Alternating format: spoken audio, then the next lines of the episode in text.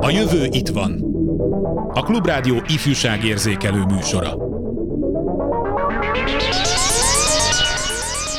Voltam bejebb és sokkal lejjebb Néha példának nem a legszebb Néha lenyeltem, néha mondtam Néha léptem és elrontottam Néha csaltam, néha szívtam Néha vászon voltam a mozimban Néha árad bentről a bánat És az árok kér ki magának.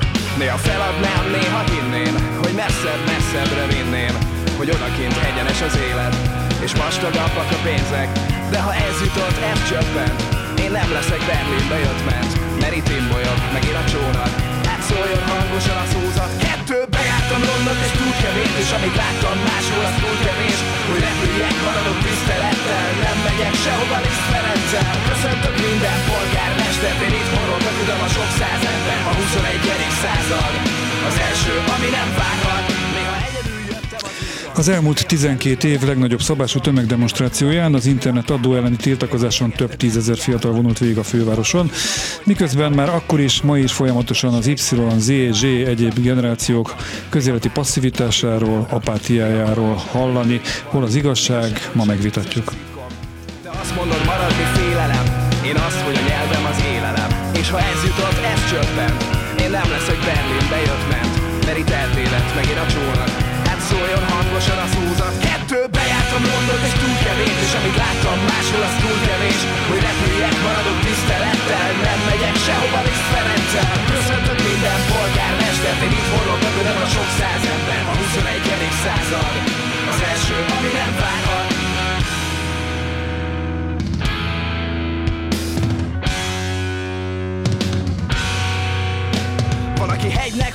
aki helyben. Van, aki messze még sincsen egyben. Van, aki legelől megy, tényleg mennie kell. Valaki dolgok elől, mert nem hitte el Hogy többet ér, ha itt változtat. Valaki maga elől, ezért kárhoztat Átkost, árkot és ártatlant. Valaki magába nézett és átkattan Hogy jobb lesz, ha neki áll. Magától nem megy semmi, hiába áll neki feje Van, aki itt van távol. De nem ment el, csak a képből kiállva kommentel. Elmentek Valaki észnél marad, késő sírni, de tenni akar ideje megmutatnunk a senkiknek. Na álljon fel, akinek nem mindegy. Bejártam mondod és túl kevés És amit láttam máshol az túl kevés. Hogy repüljek, maradok tisztelettel Nem megyek sehova Liszt Ferenccel Köszöntök minden polgármestert Én itt tudom a sok száz ember. A 21. század.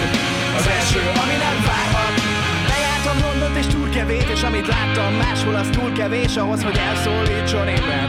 Még dolgunk van szerintem. Köszöntök minden polgármestert Én itt horogok, tudom a sok száz ember A 21. század. Az első, ami nem várhat többet ránk A jövő ma is itt van, hívhatnak bennünket a 2406953-as, illetve a 2407953-as telefonszámon. A stúdióban Szabó Andrea szociológus, aki többek között egyebek mellett a fiatalok közéleti érdeklődését és jelenlétét is kutatja, mióta is, és kik számítanak fiataloknak, kik tartoznak ebbe a körbe. Jó napot kívánok, üdvözlöm a kedves hallgatókat. Nagyon fontos kérdést kérdezett, de ha megengedi előtte, hagy reflektáljak erre a számra, ja, amit az előbb hallottunk. Örömmel, parancsoljon. A Kozmosz zenekarnak egy nagyon jó száma van, mert van benne egy kulcsmondat, pontosabban egy kulcs szó a néha szó. Tehát nagyon sokszor használják a néha szót, és szerintem, ha már a fiatalokról van szó, ez a bizonytalanság, ez a néha, talán, majd úgy lesz, bár ki tudja, ez egy, ez egy kulcs gondolat, és nekem nagyon megütötte a fülemet, hogy, hogy mennyire beletalálnak abba az életérzésbe, ami a mostani fiataloknak az egyik legfontosabb életérzés, ez a bizonytalanság, hogy hát majd, majd lesz, úgy lesz, valahogy lesz. Egyrészt a fiatalok bizonytalanok, de ezt mindjárt pontosabban kifejti, másrészt az egész közélet vagy politika bizonytalan, Igen. nem? Tehát nincsenek stabil alapok, kezdve az alaptörvény, nem tudom én hányszoros gránit szilárdságú alaptörvény, sokszoros módosításába, a helyi rendeletek buherálásába éppen kinek mire van szüksége. Ez azért nem csak a fiataloknak, úgy a magyar társadalom zömének nem A magyar társadalomnak szolgálja. is kevés valóban letapadt ö, gránit szilárdságú értéke, normája van, de azt hiszem, hogy a zenekarnak ez a Londont és Turkevét is egyszerre megjárt gondolata, ez szerintem nagyon igen. találó volt. Visszatérve az eredeti kérdésére, a fiatal és az ifjúság problematikájára, szociológiai értelemben más jelent a fiatal és más jelent az ifjúság. A fiatal az egy életkori kategória, az ifjúság az pedig egy szociológiai állapot. A fiatal az ember akkor, amikor mit tudom, nagyjából úgy 15 év, 14-15 éves korába bekerül a középiskolába, és úgy nagyjából 28-29 éves koráig elkezd megállapodni, elkezd ö, szocializálódni a társadalomban, és fölvenni az idősebb nemzedékre jellemző társadalmi kötelezettségeket, ezzel szemben az ifjúság, mint kategória, az nagyon erősen kötődik a szabadsághoz és a szabad időhöz. Tehát, hogy van egy idő moratóriumom, amivel én saját magam rendelkezem, és ehhez tartozik egy sajátos ifjúsági kultúra, egy sajátos ifjúsági világlátás, tehát az egy kicsit több, mint általában az életkorilag meghatározott 15 és 29 közötti időszakasz. A, az ifjúság kategóriája nem létezik mindenütt és minden történelmi korszakban.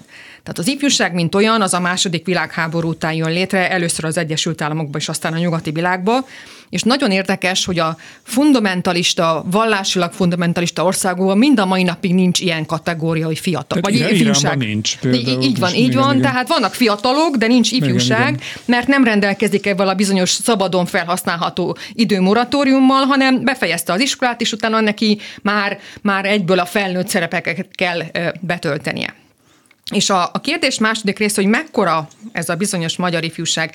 És most a beszédbe egy kicsit majd lehet, hogy keverjük ezt a két kifejezést, bocsánat a hallgatóktól, de időnként nem tudom ezt ennyire szétválasztani. Tehát, hogyha mond... hozzátenni, hogy ezt most szociológiai értelemben értettem, Igen. bonyolult lenne hogy ha most a 15-29 éveseket nézzük, akkor mindig megdöbbennek a, a nézők, hallgatók, vagy akik, akikvel én beszélgetek, hogy mekkora létszámról beszélünk. Ha hiszi, ha nem, majdnem 1,7 millió magyar 15-29 éves van, ezek szerint mondható, hogy meglehetősen fiatal a társadalmunk? Hát ez nem, ez nem annyira nagyon fiatal, hát ennél lehetne. veszünk, ami már kevesebb azért, igen, és igen, ugye van sok igen. idős. Tehát mondjuk van 9 millió 700 ezer állampolgár, ebből 1 millió 600 ezer az, amelyik 15-29 éves, és az első szavazók azok pedig annyian vannak, mintha Budán csak fiatalok lennének, 18-22 évesek, egészen pontosan 500 ezeren vannak ebbe a uh-huh. korosztályba, és hogyha ezekből csak a mondjuk az egyetemistákra koncentrálunk, akiket nagyon gyakran szokták a fiatalokkal azonosítani,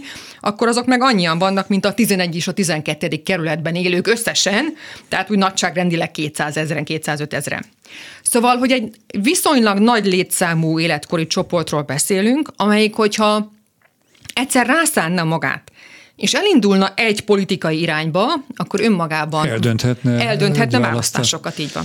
Miért nem indul el? Mi múlik az, hogy valaki közéletileg érzékeny lesz, és most itt nem csak a politikára gondolok, Világos. önkéntes munkában segíti az időseket, a mozgássérültek, bármit, ételtoszt, tehát szociális segítséget nyújt, vagy éppen egy politikai párt ifjúsági szervezetébe tagozódik be, vagy éppen egy ilyen pártot szervez. És azért ne felejtsük el azt, hogy 88-ban a fiatalok jelző az benne volt egy még ma is létező pártnak a nevében, ma is benne van egyébként. Nem, már nincs benne. Már nincs benne? Nincs benne. Mi tehát... akkor a Fidesz az a Fidesz az, szó az a Fidesz szó, mint a latin Fidesz ja, szó van jó, benne. Már értető, jó. Ez mondjuk egy értető lépés volt a részükről. De hát beszélhetünk az LMP-ről, ami szintén egy ilyen fiatalos lendülettel indult, és sok fiatal volt. Itt van a Momentum, ami azért annyira nem életkori párt, vagy, mert, vagy, mert hiszen azért léteznek idősebb tagjai is, tehát nincs deklarálva az, hogy ez a fiatalok pártja, nincs felső korhatár. De szóval, hogy nem is tudom, hogy mire akartam kiukadni. Hogy miért hogy, olyan az egyik, és miért, miért olyan a másik. Miért ilyen, igen. igen. Szóval van-e olyan, hogy politikus alkat? Lehet erre születni? Először is nagyon köszönöm, hogy megkülönböztette egymástól a hardcore politikát és a közéletet. Szerintem ez egy, ez egy nagyon fontos distinkció, mert az emberek fejében, ha meghallják ezt a szót, hogy politika, a, hoztam is magammal egy ábrát, ha most televízióban lennénk, be is tudnám mutatni, akkor automatikusan két fogalom az, amelyik beugrik, az egyik a korrupció, a másik meg a hazugság.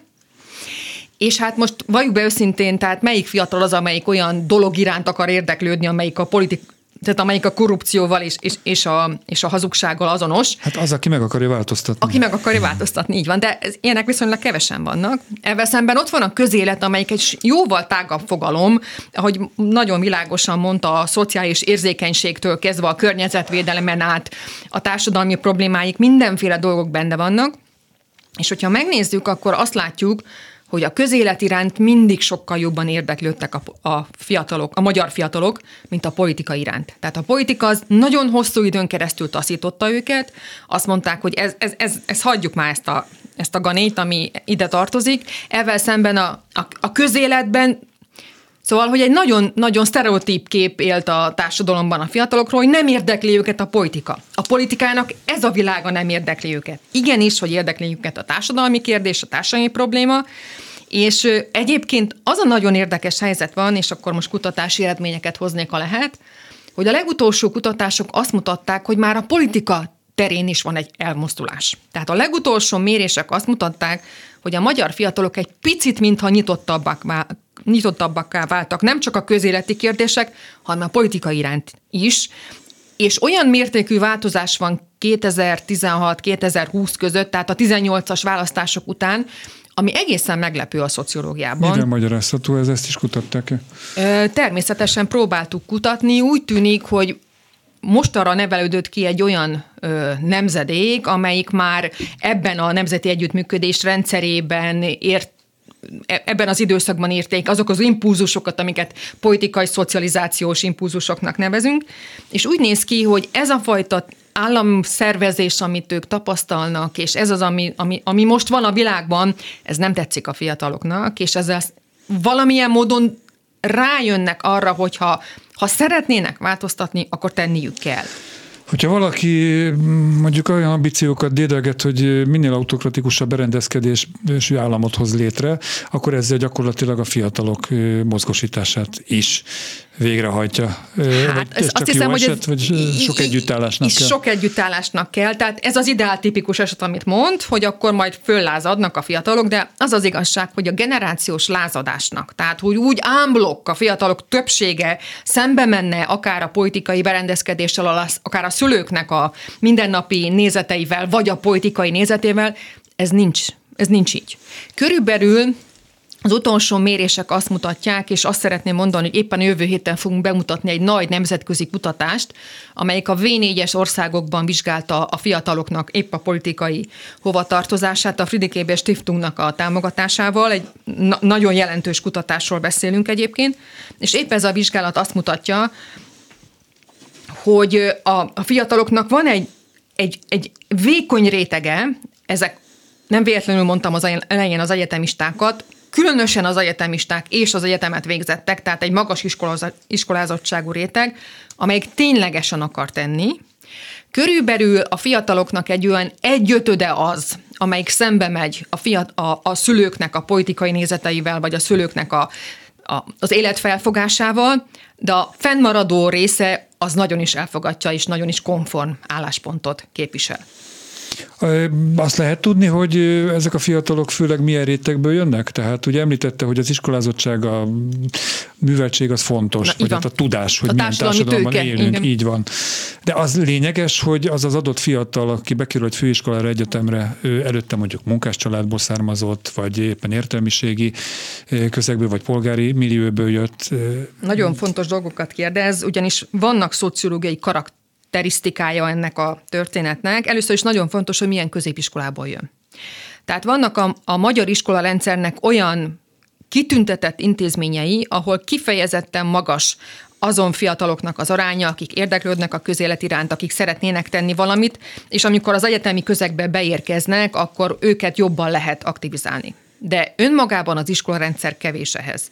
Ehhez kell egy családi szocializáció a, a családi szocializáció esetében azt a nagyon érdekes dolgot figyeltük meg, hogy még a kulturális szocializációban elsősorban az anyáknak van nagyon nagy szerepe, kifejezetten a politikai szocializációban az apáknak van nagyon nagy jelentősége. Tehát, hogy az apák hogyan beszélgetnek a gyermekeikkel, mondjuk a politikai kérdésekről, egyáltalán beszélgetnek-e. Tehát a, a politikai szocializáció kulcsa a családon belüli kommunikáció, az interakció a politikáról. Tehát lehet úgy beszélni, hogy úristen, ezek a politikusok, hát ezek borzalmasak, lopnak, csalnak, hazudnak, hát ezt mindannyian ismerjük. De lehet úgy is beszélni, hogy igen, vannak, akik igen, ilyenek lopnak, és csalnak, hazudnak, de, de, igen. de tegyél érte, hogy Jó, ne hát, ilyen amit legyen. mond az alapján az én most hat éves kislányom, az bizonyára politológus Isten őrizzen, de, de legalábbis forradalmára. Hát azért megvédeném a politológus, mert én politológus is vagyok. Politikus akartam mondani, nem politológus, elnézést, ez ilyen freudi elszólás volt, de hát Szabó Andrea, a szociológussal beszélgetünk, és beszélgetünk hamarosan Juhász Péterrel is, vagy már is, mert hogy itt van a vonalban, szia Juhi, régóta ismerjük egymást, meg egyébként is merne tegeződjünk. Tudsz válaszolni Szabó Andreának, hogy te milyen közegből szocializálódtál a közéleti érzékenységre, hogy ilyen nyakatekert magyarsággal fejezzem ki magam, miért gondoltál egy nagyot és szerveztél egy később több tízezres, közel százezres tüntetésig terjedő mozgalomra, hogy a Milla mozgalomról beszélünk a 2010-es évek elején talán lehet ezt mondani. Szóval mi volt nálad a, a motiváció? Hát a motivációról azt hiszem sokkal nehezebben tudnék beszélni, mert az nyilván az volt, hogy elégedetlen voltam magával a, a politikai környezettel, ami alakult, illetve számomra addigra világosá vált, hogy, hogy hát hogy mondjam, kb. mondjuk erre én se gondoltam, hogy idáig fajul a dolog, hogy kb. mire lehet számítani, és nem csak számomra, nem sokak számára. Tehát ugye itt ez a média törvény e, életbelépése ellen szerveződött eredetileg a Milla, az egy millió a magyar sajtószabadságért Facebook oldal, aztán később mozgalom. Yeah. De az, amit szóba került Andra és közted, eh, hogy eh, hogyan nő föl egy gyerek, abban van nekem azt hiszem egy erős hátterem. Én eh, bár nem az apámtól, hanem az édesanyámtól kaptam ezt a löketet, azt hiszem azzal, hogy ő mindig minden helyzetben teljes melszégességgel állt ki a saját igazáért, adott esetben értem, vagy saját magáért. És hát ezt a nevelést hoztam. Nekem a, én nem ide vezetem vissza a saját aktivitásomat, amit említettél a Millához, hanem sokkal inkább a Kendermag Egyesülethez, illetve a Kendermag Egyesület és a Milla között eltelt időszakban rengeteg olyan aktív civil tevékenységhez, amihez hát hogy nem kerültem előtérbe, nem került a nevem eh, plakátokra, vagy nem voltam ott a színpadon, de segítettem a szerveződést, akár technikai értelemben, akár eh, szervező kapacitással, vagy anyagilag, vagy bármivel.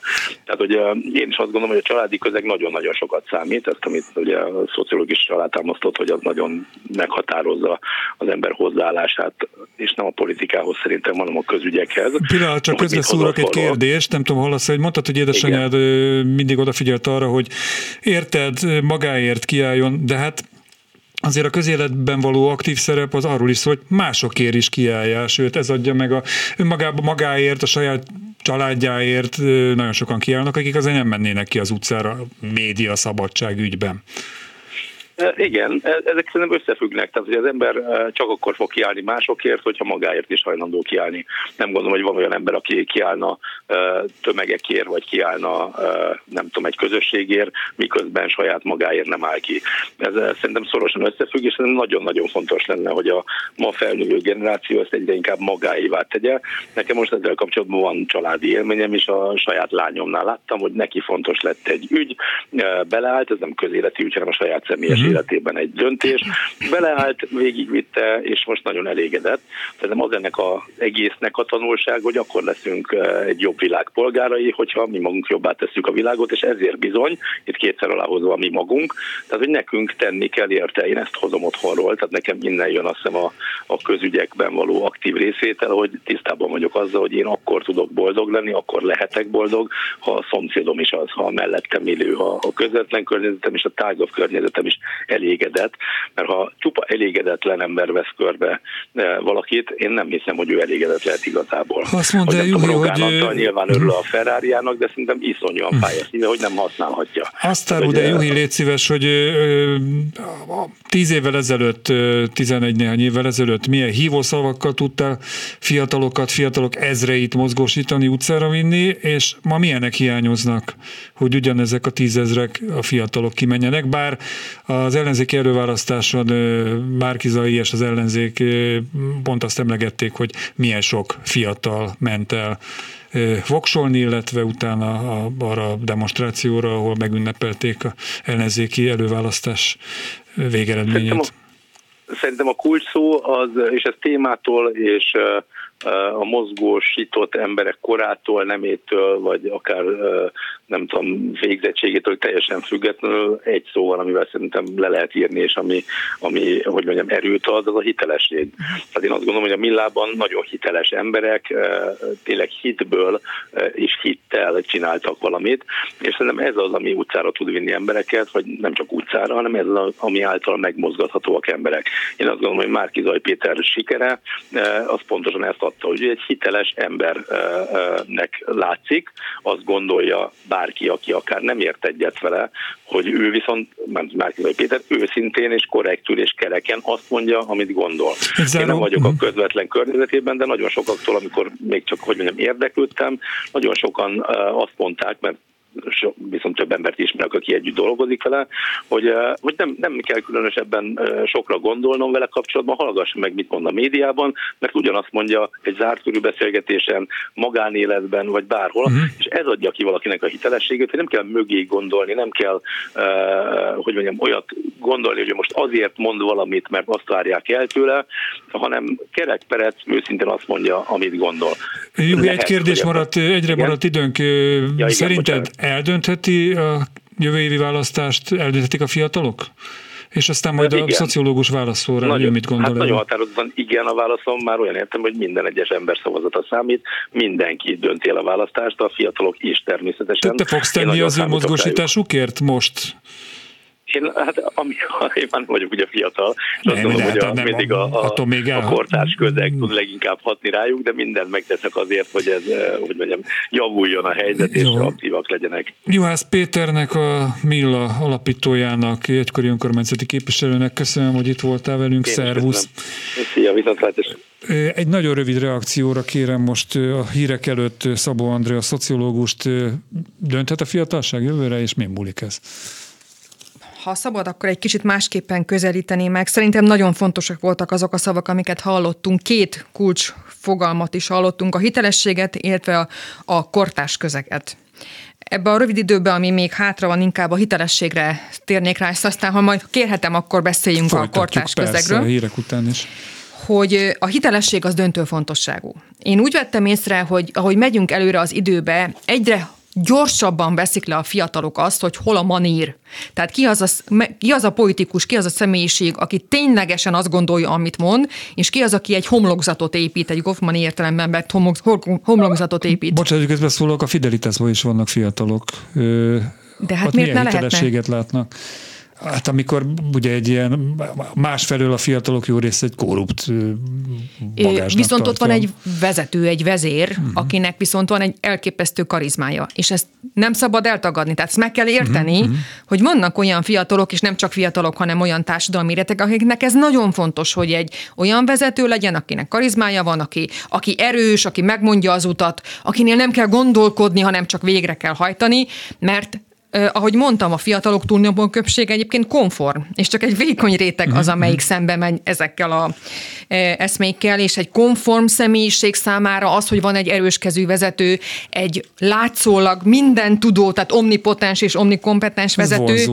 Egy, az nagyon vonzó, így van, hmm. egy nagyon vonzó dolog és ne vitassuk el bárkinek a jogát ahhoz, hogy ő egyébként fidelitásos legyen, már csak azért is, mert a ne, Fidesznek nem, van hosszú évekre, sőt, hát évtizedekre visszamenő ifjúságpolitikája van, amit egyébként az ellenzék is, ha kell, akkor meg tudna tanulni. Egy politikai ballépés fér bele, tehát a hitelesség az rendkívül fontos, de ugyanakkor, hogy egy szülő esetében is nagyon fontos, egy pedagógus esetében, én azt tapasztaltam szülőként, tanárként is, hogyha azt mondtam a gyerekemnek vagy a tanítványaimnak magyar órán, hogy bocs, ezt, ennek utána kell nézni, ezt nem tudom megválaszolni válaszolni most.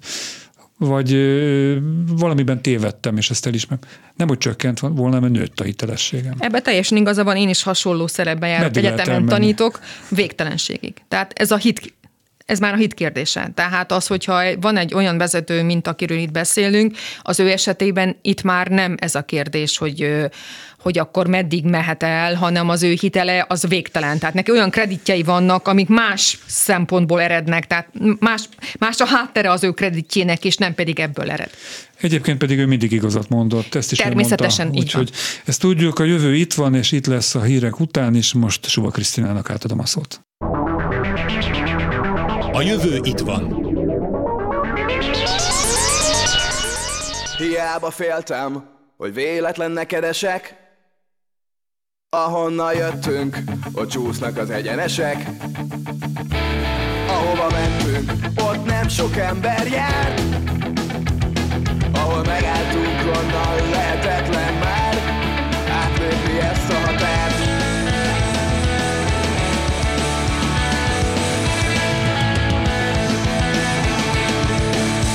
Nem voltál nem voltál jól Nem álltam oda mellé Eljátszottam állatban Az esélyt, hogy lesz, aki megvéd És nem marad csak ez a fent örökségre. Semmi ösvény, ahova visszafordulnánk. Visszafordulnánk.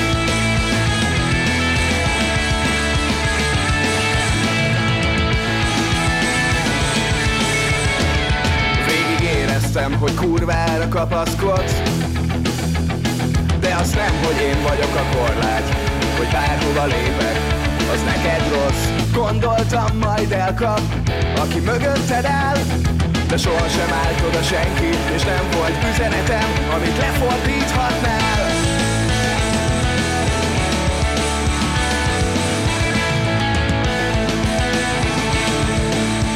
Nem voltál, nem voltál jól nem álltam oda mellé Eljátszottam állatba Az esélyt, hogy lesz, aki megvér És nem marad csak ez a fertőrökségre Semmi ösvény, ahova visszafordulnánk. Visszafordulnánk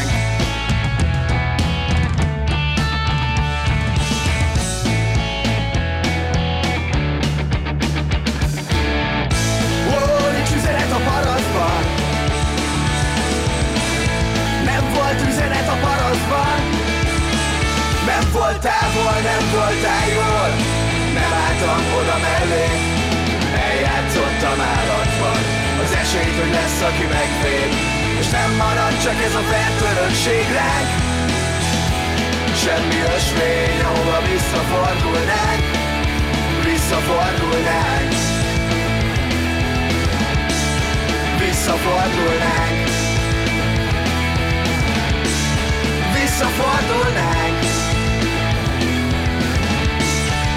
Visszafordulnánk Visszafordulnék Hát a közéleti aktivitásról egy kis probléma van, bár nem csak a fiatalok, idősebbek is telefonálhatnak, telefonálhatnának, azért mondom a számokat 2406953 vagy 2407953, itt elmondhatják a véleményüket a témáról. Fiatalok politikai aktivitása és passzivitása a téma, illetve kérdezhetnek akár a vendégünktől, Szabó André, a szociológustól, aki kutatja ezt a területet, és a zene előtt, a kiváló Kozmosz együttes előtti részben Juhász Péter szavai után reagálva Juhinak a, gondolataira, említette a kortás közeget, ami a hitelesség mellett a másik nagyon fontos tényező, hogy hogyan lehet mozgosítani a fiatalokat. Így van, tehát ugye a politikai szocializációs elmélet, ha szabad egy mondat ilyen elméletet elmondanom, azt mondja, hogy a bárkinek, egyébként nem csak a fiataloknak, hanem általában az emberek aktivizmusának az egyik kulcsa a családi szocializáció, a másik pedig a kortársai. Az idősebbeknek a saját kortársai, vagy legfeljebb a gyerekei, és a, a fiataloknál pedig ténylegesen a saját életkori csoportjuk, tehát a középiskolásoknak a középiskolások, az egyetemistáknak az egyetemisták. És hogyha megnézzük azt a kérdést, hogy mi az, ami a döntő löketet jelenti számukra a részvétel vagy nem részvétel tekintetében, akkor azt látjuk, hogy akinek a környezetében van legalább egy aktív, tehát eleve aktív barát, ismerős, ott jóval nagyobb bevonódási esély. Tehát az a lényeg, hogy legyen a környezetben egy ember, aki elkezdi, uh-huh és amikor, ha van a környezetében egy ember, az valahogy szívja magával, mert onnantól kezdve az már egy trendivé válik, hogy az ember részt vegyen, akkor már nem ijesztő, akkor már nem valami nagyon távoli, hanem akkor tudja egyes egyénhez kötni a politikai részvétel. Tehát personalizálódik a részvétel, és onnantól kezdve már nem arról lesz szó, hogy az ügy, meg a politika, meg a nem tudom mi, hanem akkor már az a barát. Akkor már a barátról fog szólni, és innentől kezdve sokkal nagyobb a behúzása ezeknek az eseményeknek. Például az SF, a Free SF esetében is arról volt szó, hogy elkezdődött egy-egy fiatal, a, ugye a az egyetemre járók vonatkozásában, és az így szélet, és elkezdett így hálózatosodni. Megint lett egy ismerős, megint lett egy ismerős, és aki... tekintélyes művészek, így van, közszereplők, így van, így van. rendezők, színház igazgatók álltak ki így van. arra bizonyos emelvényre. És e... egyébként, ha szab, még egyetlen egy mondat, hogy, hogy miért is említem többször is az egyetemistákat ebből a, tek, ebből a szempontból. Kétségtelenül, hogy a magyar történelemben visszatekintve is mindig az egyetemisták voltak azok. 56-ban műegyetem. 1848-ban is. igen, így igen. van. Úgyhogy tulajdonképpen az egyetemista réteg az történelmileg is predestinált arra, hogy a legaktívabb legyen, és hát ugye az ifjúság szociológia szempontjából is, mint legnagyobb kvázi szabadidővel rendelkező réteg, aki képes arra, ha akar, akkor nagyon homogén társadalmi közekként el tudjon indulni, és akarjon tenni ez ellen. Egyébként mostanában eléggé pacifikált társadalmi rétegről beszél. Jó, hát hajógyári munkás fiatal tömegekről nem beszélhetünk ebben Igen. az országban, ugye Lengyelországban ez működött, de miért ezt a példát hoztam, hogy nekem volt azért, hogy az átkosban voltam középiskolás, és volt egy osztálytársam, már meghalt azóta szegény, nem az életkora okán, hanem egyéb tényezők miatt, de hogy ő egy március 15-én elhelyezett egy mécses, talán egy kis papír trikolort, piros-fehér-zöld zászlócskát a Petőfi szobrához, és rendőrök igazoltatták, vegzálták, bevitték, lényeg az, hogy megfenyegették, hogy a következő két évben nem kapott erről semmilyen írásos papírt, az elkövetkező két évben egyszer átmegy a pirosba, akkor előveszik, és akkor neki annyi. Igen. És ettől kezdve megfélemlítették, és tényleg jó formán mint a polgár lett, nem mert semmilyen elhajlást megengedni magának. Na most ma Ilyenekről nem hallani, bár azért már vannak jelei ennek. Meg nem beszélhetünk ma diktatúráról, mint a Kádár rendszerben. Autokráciát emlegetnek egyesek. Bár azért most már vannak egy autós tüntetésnek elképesztő méretű autós demonstráció utáni büntetés befizetése. Tehát, mint hogyha a rendszer elindult egy ilyen irányba. A kérdésem az, hogy a, a, a megfélemlítő közeg az mennyiben gátolja a fiatalok politikai szerepvállalását, vagy éppen akár egy, egy, egy gyúanyag lehet igen, ez egy nagyon érdekes probléma, ezt vizsgáljuk. Tehát, hogy mik azok a tényezők, amik félelemmel töltik el, és megakadályozzák a politikai részvételt még mielőtt ezt konkrétan mondanám, ugye egyáltalán mi az, hogy politikai részvétel? Ez már magában egy nagyon fontos kérdés, részben filozófikus kérdés, úgyhogy ne is menjünk be ebbe a filozófiai részébe. Ugye a legtöbb ember számára a politikai részvétel az a demonstráció, tehát az utcán való részvétel, az utcai megnyilvánulás, de nyilvánvalóan ennél sokkal szofisztikáltabb a politikai részvétel, az online részvételtől a bolykotton keresztül egészen odáig, hogy petíciókat írok alá, tehát nagyon sokfajta módja lehet a politikai részvételnek, és hát ne felejtsük el a választáson való részvételt. Az önmagában ugye egy politikai aktus, egy nagyon fontos politikai részvételi forma, sőt, hát bizonyos értelemben a legfontosabb politikai részvételi forma, hiszen mégiscsak azzal tudjuk a legtöbbet elérni, magának a rendszernek a működését tudjuk befolyásolni. De ha visszatérve az eredeti kérdésére, hogy mi az, ami befolyásolni tudja, van egy nagyon érdekes félelmi faktor az, hogyha nem az ő saját életére van ez negatív következményevel, hogyha a hozzátartozók, a környezet. Tehát attól tart, nem, tehát nem is attól tart, hogy veled fog történni valami, hiszen ennek nagyon kicsi a valószínűsége mind a mai napig, hogy ő vele konkrétan történjen valami, de mi van akkor, ha, és ez már egy, ez egy nagyon furcsa dolog, hogy egy demokráciában elvileg valaki elkezd azon gondolkodni, hogy mi történik akkor a szülőkkel, a nagyszülőkkel, a, a tesóval, vagy bárkivel a környezettel, hogyha ő előtérbe kerül, és, és, és, és mondjuk kipécézik őt, mint, mint magánembert egy ilyen eseményem, és én ezt nem tartom különösebben jó dolognak, hogy most a 21. században emberek egyáltalán ezen gondolkodnak, hogy mi lesz akkor, ha. Ez, ez, ez, ez, egy, ez egy félelmetes dolog szerintem. Ezért emlékszünk, 80 tájékán volt a Tiananmen mentéri, vagy 80-as évek második felében? Hát azért ez 89-ben. Kőkemény diktatúra, és azért Igen. mégis több ezer fiatal állt a tankok elé. Igen. Szóval lehet a, a minél brutálisabb válaszlépés éppen, hogy ösztönző erejű, nem? Ebben nem szeretnék állást foglalni, mert nem szeretnék ilyen szituációt. Tehát, Jó, hogy hát én nem, ebben nem, nem ki, mert akkor azt, ebben azt próbálnánk tehát olyasmit próbálnánk megmagyarázni, ami szerintem nincsen, tehát én úgy gondolom, hogy azért ott még messze nem tartunk, és nagyon remélem, hogy soha nem is fogunk Reméljük, ott tartani. hogy nem fogunk ott tartani. Ugyanakkor egy cikket olvasok, október 25-én jelent meg, meg nem mondom, talán a szabadeurópa.hu-n.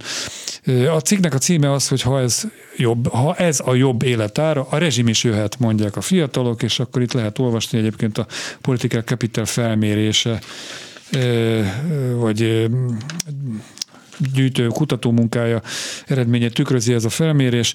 Akár a szabadságjogok korlátozását is elfogadják a magasabb életszínvonalért, vagy az egészségügyi biztonságért a fiatalok, írja a cikk. Bizonyos előnyökért le is mondhatnak a szabadságjogaikról, a magasabb életszínvonal érdekében csak nem kétötödük, vagy a világjárvány idején nagyobb egészségügyi biztonság eléréséért kétharmaduk adná fel demokratikus alaphelyzetét.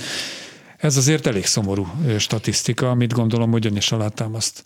Igen, ez egy szomorú statisztika. Én azért egy nagyon picikét, ha megengedi, árnyalnám, ugye ezek mesterséges szituációk, ezek a kérdőívek. Amikor azt mondják, hogy ha ez van, akkor az fog történni. De hát ugye ezt elgondolni is nagyon nehéz, és lehetséges, hogy elvileg ez így történik, de aztán amikor a, a valóságról van szó, amikor a hétköznapi életünkről van szó, akkor ez más, más módon történik. De, és ez szerintem nagyon fontos. Ugye a 70-es évek óta van a szociológiában egy verseny avval kapcsolatosan, hogy két nagy ága van az értékeknek, az úgynevezett materiális értékek és a posztmateriális értékek. A materiális értékek azok az elsősorban az anyagi biztonság, illetve hát a környezeti biztonság, a posztmateriális értékek pedig minden, ami ezen túl van, tehát az önmegvalósítás, a környezetvédelem és hasonló értékek. És a magyar társadalomról tudni kell, hogy amióta vannak ezek a vizsgálatok, mindig is a materiális értékek domináltak. Tehát ez egy materiális társadalom, méghozzá az egyik legmateriálisabb társadalom az egész Európai Unióban. Tehát nálunk mindig is az dominált, hogy melyik az a párt, amelyik ezeket az igényeket a leginkább tudja kielégíteni. És akkor joggal mondhatja azt, hogy de hát biztos a fiatalok nem ilyenek, és én mindig azt szoktam mondani, hogy a fiatalok pontosan olyanok, mint a társadalom egészen, mert mitől, lennétek má- mitől lennének más, hiszen ugyanazok a szocializációs folyamatok vannak az ifjúsági társadalomban, mint a felnőtt népességben. A különbség annyi, hogy kétségtelenül az ifjúsági társadalomban ma már bizonyos posztmateriális értékek fontosabbak, leginkább a környezetvédelem, leginkább a környezet terhelése, tehát ezek a zöld értékek az, amik most már sokkal meghatározóbbak, mint akár 5-10 vagy 15 évvel ezelőtt voltak. De az anyagiasság, tehát az, hogy a materiális szükségleteket ki kell elégíteni, ez továbbra is a legfontosabb. Hát mert még nem épült fel a keresztény demokrácia, majd akkor nyilván a materiális értékek helyében egy másik érték kerül a fiatalok számára. Nagyon szépen mondta. E, és Kíváncsi vagyok, hogy Kiszei Tibor aktivista, a Közös Országmozgalom, utcáról lakásba egyesület, vagy a Szikra ö, alapítója, tagja, ö, aktivistája, aki itt van a vonalban, szervusz. Sziasztok, jó szóval napot, üdvözlöm a hallgatókat. Téged mi motivált, hogy csatlakoztál ugye különböző időpontokban ezekhez a szervezetekhez, mozgalmakhoz? Hogyan zajlott ez? Hát engem személyesen ugye én társadalomtudományokat tanultam, és az aktivista közegben is sok-sok fiatal egyetemista van, aki úgy van vele, hogy valamit, valamit tenni kell társadalomért, és, és én is tenni szerettem volna valamit, és mind a mai napig, az utóbbi években azon dolgozok, hogy tegyek is valamit, akár a munkámban, mint szociális munkás, akár szervezkedésben, aktivizmusban, tehát, hogy a, a társadalmi, nem tudom, jólétért, vagy hogy a, így a szolidaritást kifejezni, azt tapasztaltam így a életem során, hogy vannak nálam sokkal szerencsétlenebb helyzetben lévő emberek, vagy vannak problémák, amire reagálni kell, valamit nem lehet otthon ülni. Ezt otthonról hoztad, ezt a készséget? És ez a kérdés egyik fel, a másik fele az, hogy egy jó aktivista maga is próbál beszervezni másokat egy igaz ügy érdekében. Milyen ö, sikereid, kudarcaid voltak, amikor ö, 15-től fölfelé, vagy 21 néhány éves fiatalokat próbáltál meggyőzni, vagy, vagy rábeszélni, hogy csatlakozzanak mondjuk a hajléktalanok segítése akciójához, vagy, vagy, vagy éppen a baloldali szikramozgalomhoz tehát hogy valami változtatást, hogy változtatásban részt vegyenek. Hát a, az otthonról hozott dolgok az szerintem bizonyos szinten fontos, de manapság már talán nem annyira, vagy én úgy érzékelem, hogy a mostani fiatalok sokkal tájékozottabbak, így az egész internet, meg social media, sokkal több az információ, ennek vannak ugye előnyei, meg hátrányai is, de hogy a otthonról hozott értékek, jó mondjuk nekem édesanyám ápolónő, meg ilyesmi, tehát az ilyen gondoskodás, meg ilyesmi, az, az úgy benne volt a, ne, a neveltetésembe, a mások, vagy a fiatalok, vagy a kortársak megszólítása dologban, meg én igazából azt vettem észre, hogy a fiatalok nagyon érdeklődnek a politika és a közélet iránt, csak máshogy csinálják, mint a tradicionális közösségi politikai dolgok. Ugye manapság mindenféle az interneten zajlik, és ebbe is szocializálódtak sokan, hogy az interneten keresztül, és vannak az, a, a nálam fiatalabbakat, már én sem értem, hogy a interneten az egész meme kultúra, meg minden, tehát hogy van ilyen közélet, meg politikára való reflektálás.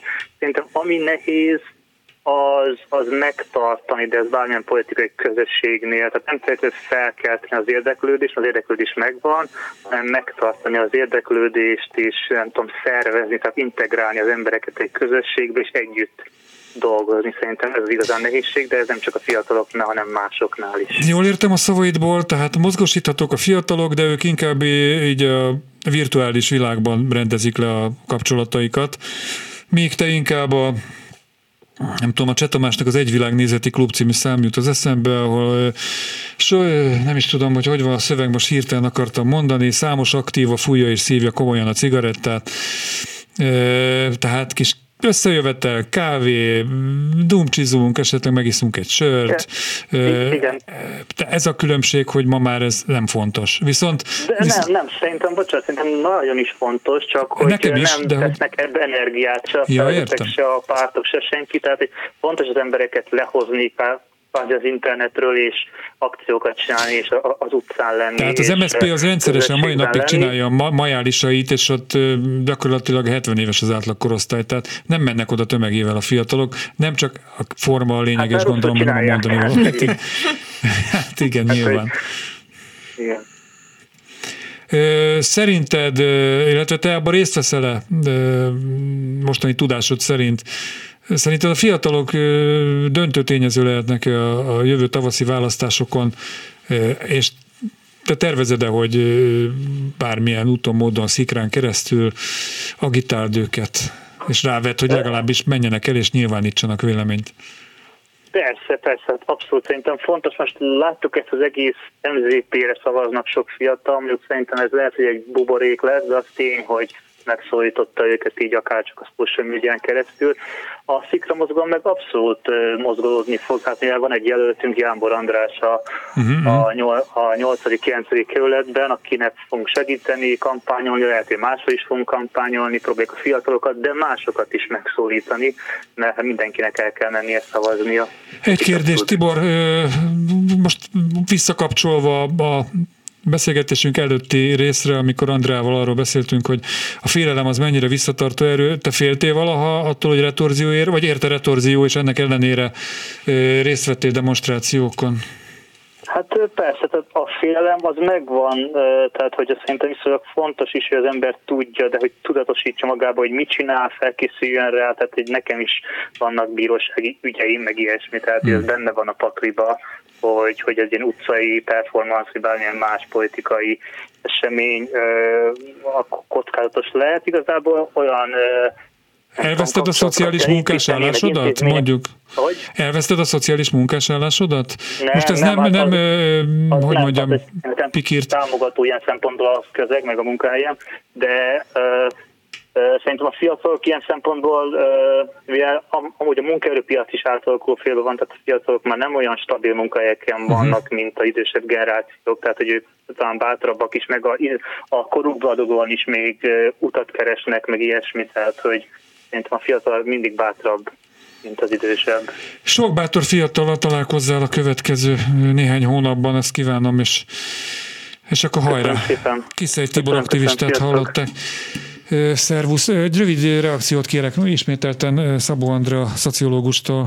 Mennyire tipikus Tibor esete? nem gondolom, hogy különösebben típus, tipikus lenne, de nagyon fontos esetről beszélünk. Azt, ez is mutatja, hogy kellene kulcs szereplők, akik mozgatják a fiatalokat. De szerintem elhangzott egy, egy nagyon-nagyon fontos dolog, azt mondta a Tibor, hogy hogy ma már másként csinál, mondta szó szerint másként csinálják a fiatalok, mert az interneten keresztül történik a, a politikai részvétel, és ezt természetesen mi is tapasztaljuk, ugyanakkor ennek van egy, van egy hátránya. A választásokon nem lehet interneten szavazni. A választások nem az internethez kötődnek, még. hanem oda el kell még. még és ez még belátható időn belül igen, ez igen. így is marad. Egyébként Észtországban a következő ah. választás már nem így lesz. Ne, nem jött be? Ö, nem, nem, ott, ott, ott már interneten keresztül ja, lehet majd nem, a... Nem így lesz, tehát ők már igen, virtuális igen, így, úton, igen, igen, igen, igen, de igen, Magyarországon belátható időn belül ez abszolút offline tevékenység lesz. Tehát, hogyha ha folyamatosan arra vannak szocializálva, hogy, hogy az interneten keresztül történjen a politikai cselekvés, annak van egy illúziókeltő eredménye, hogy persze-persze az interneten történik valami, de ez nem szivárog át mondjuk az idősebb társadalomba, tehát nem tud hatást gyakorolni, mert az időseknek egy része nincsen rajta az interneten, és nem veszi olyan komolyan az interneten történteket. Tehát nagyon fontos, hogy különböző értékeket uh-huh. tulajdonítanak a politikai részvétel különböző típusaihoz, és még mindig azok a politikai részvételek a legértékesebbek a társadalomban, amelyek a legnagyobb kockázattal járnak, vagyis offline személyesen jelennek meg. Hát egy idős számára is, hogyha a televízió híradójában lát százezer fiatalt egy világító kütyűvel a kezében, Igen. akkor az azért hatásos. Az hatásos van, így van. Sőt, egyáltalán az hatásos. Igen, a másik és, nem. És, a, és a másik, amit szeretnék mondani, ez pedig a fotel forradalmárság. Tehát én úgy veszem észre, hogy a fiatalok egy része abban elég, tehát az is számára egy politikai cselekvés, hogy otthon puffog és elégedetlenkedik, de tudni kell, hogy az otthoni puffogásból és elégedetlenségből soha nem lesz szavazat, mert ahhoz fel kell vennünk a kis nadrágunkat, a kis kabátunkat, és el kell menni. Tehát ez az, ami az, a, a problémás az online részvételbe, hogy az elveszi ezt a fajta tüzet a fiatalokból, mert azt gondolják, hogy az online Világos. mémekben ez, ez levezetődik, és ez tulajdonképpen a hatalomnak jó. Tehát azt, azt kell, hogy mondjam, hogy az nekik egy ideális állapot, hogyha az online térben levezetődnek a feszültségek. Igen, és egyébként az sem mindegy, hogy milyen idő van, amikor éppen tüntetést szervezünk, esik-e az eső, nyár van-e, vagy éppen a téli fagyok.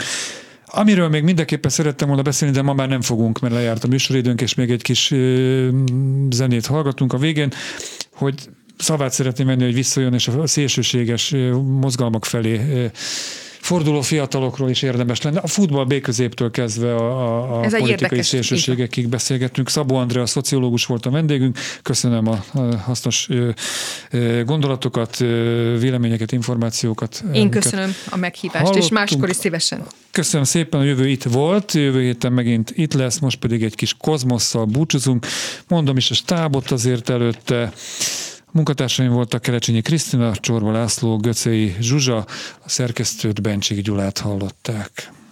Nem tetszik, hogy egyre rosszul érzem magamat a hazámban. Nem tetszik, hogy a haverok, a rokonok nem sokára diszidálnak. Nem tetszik, hogy senki sem egész. Nem tetszik, hogy mindenki fél. Nem tetszik, hogy a szegények fizetnek meg mindenért. Nem tetszik, de nagyon nem Hull az elságult levél Nem tetszik, hogy a diplomát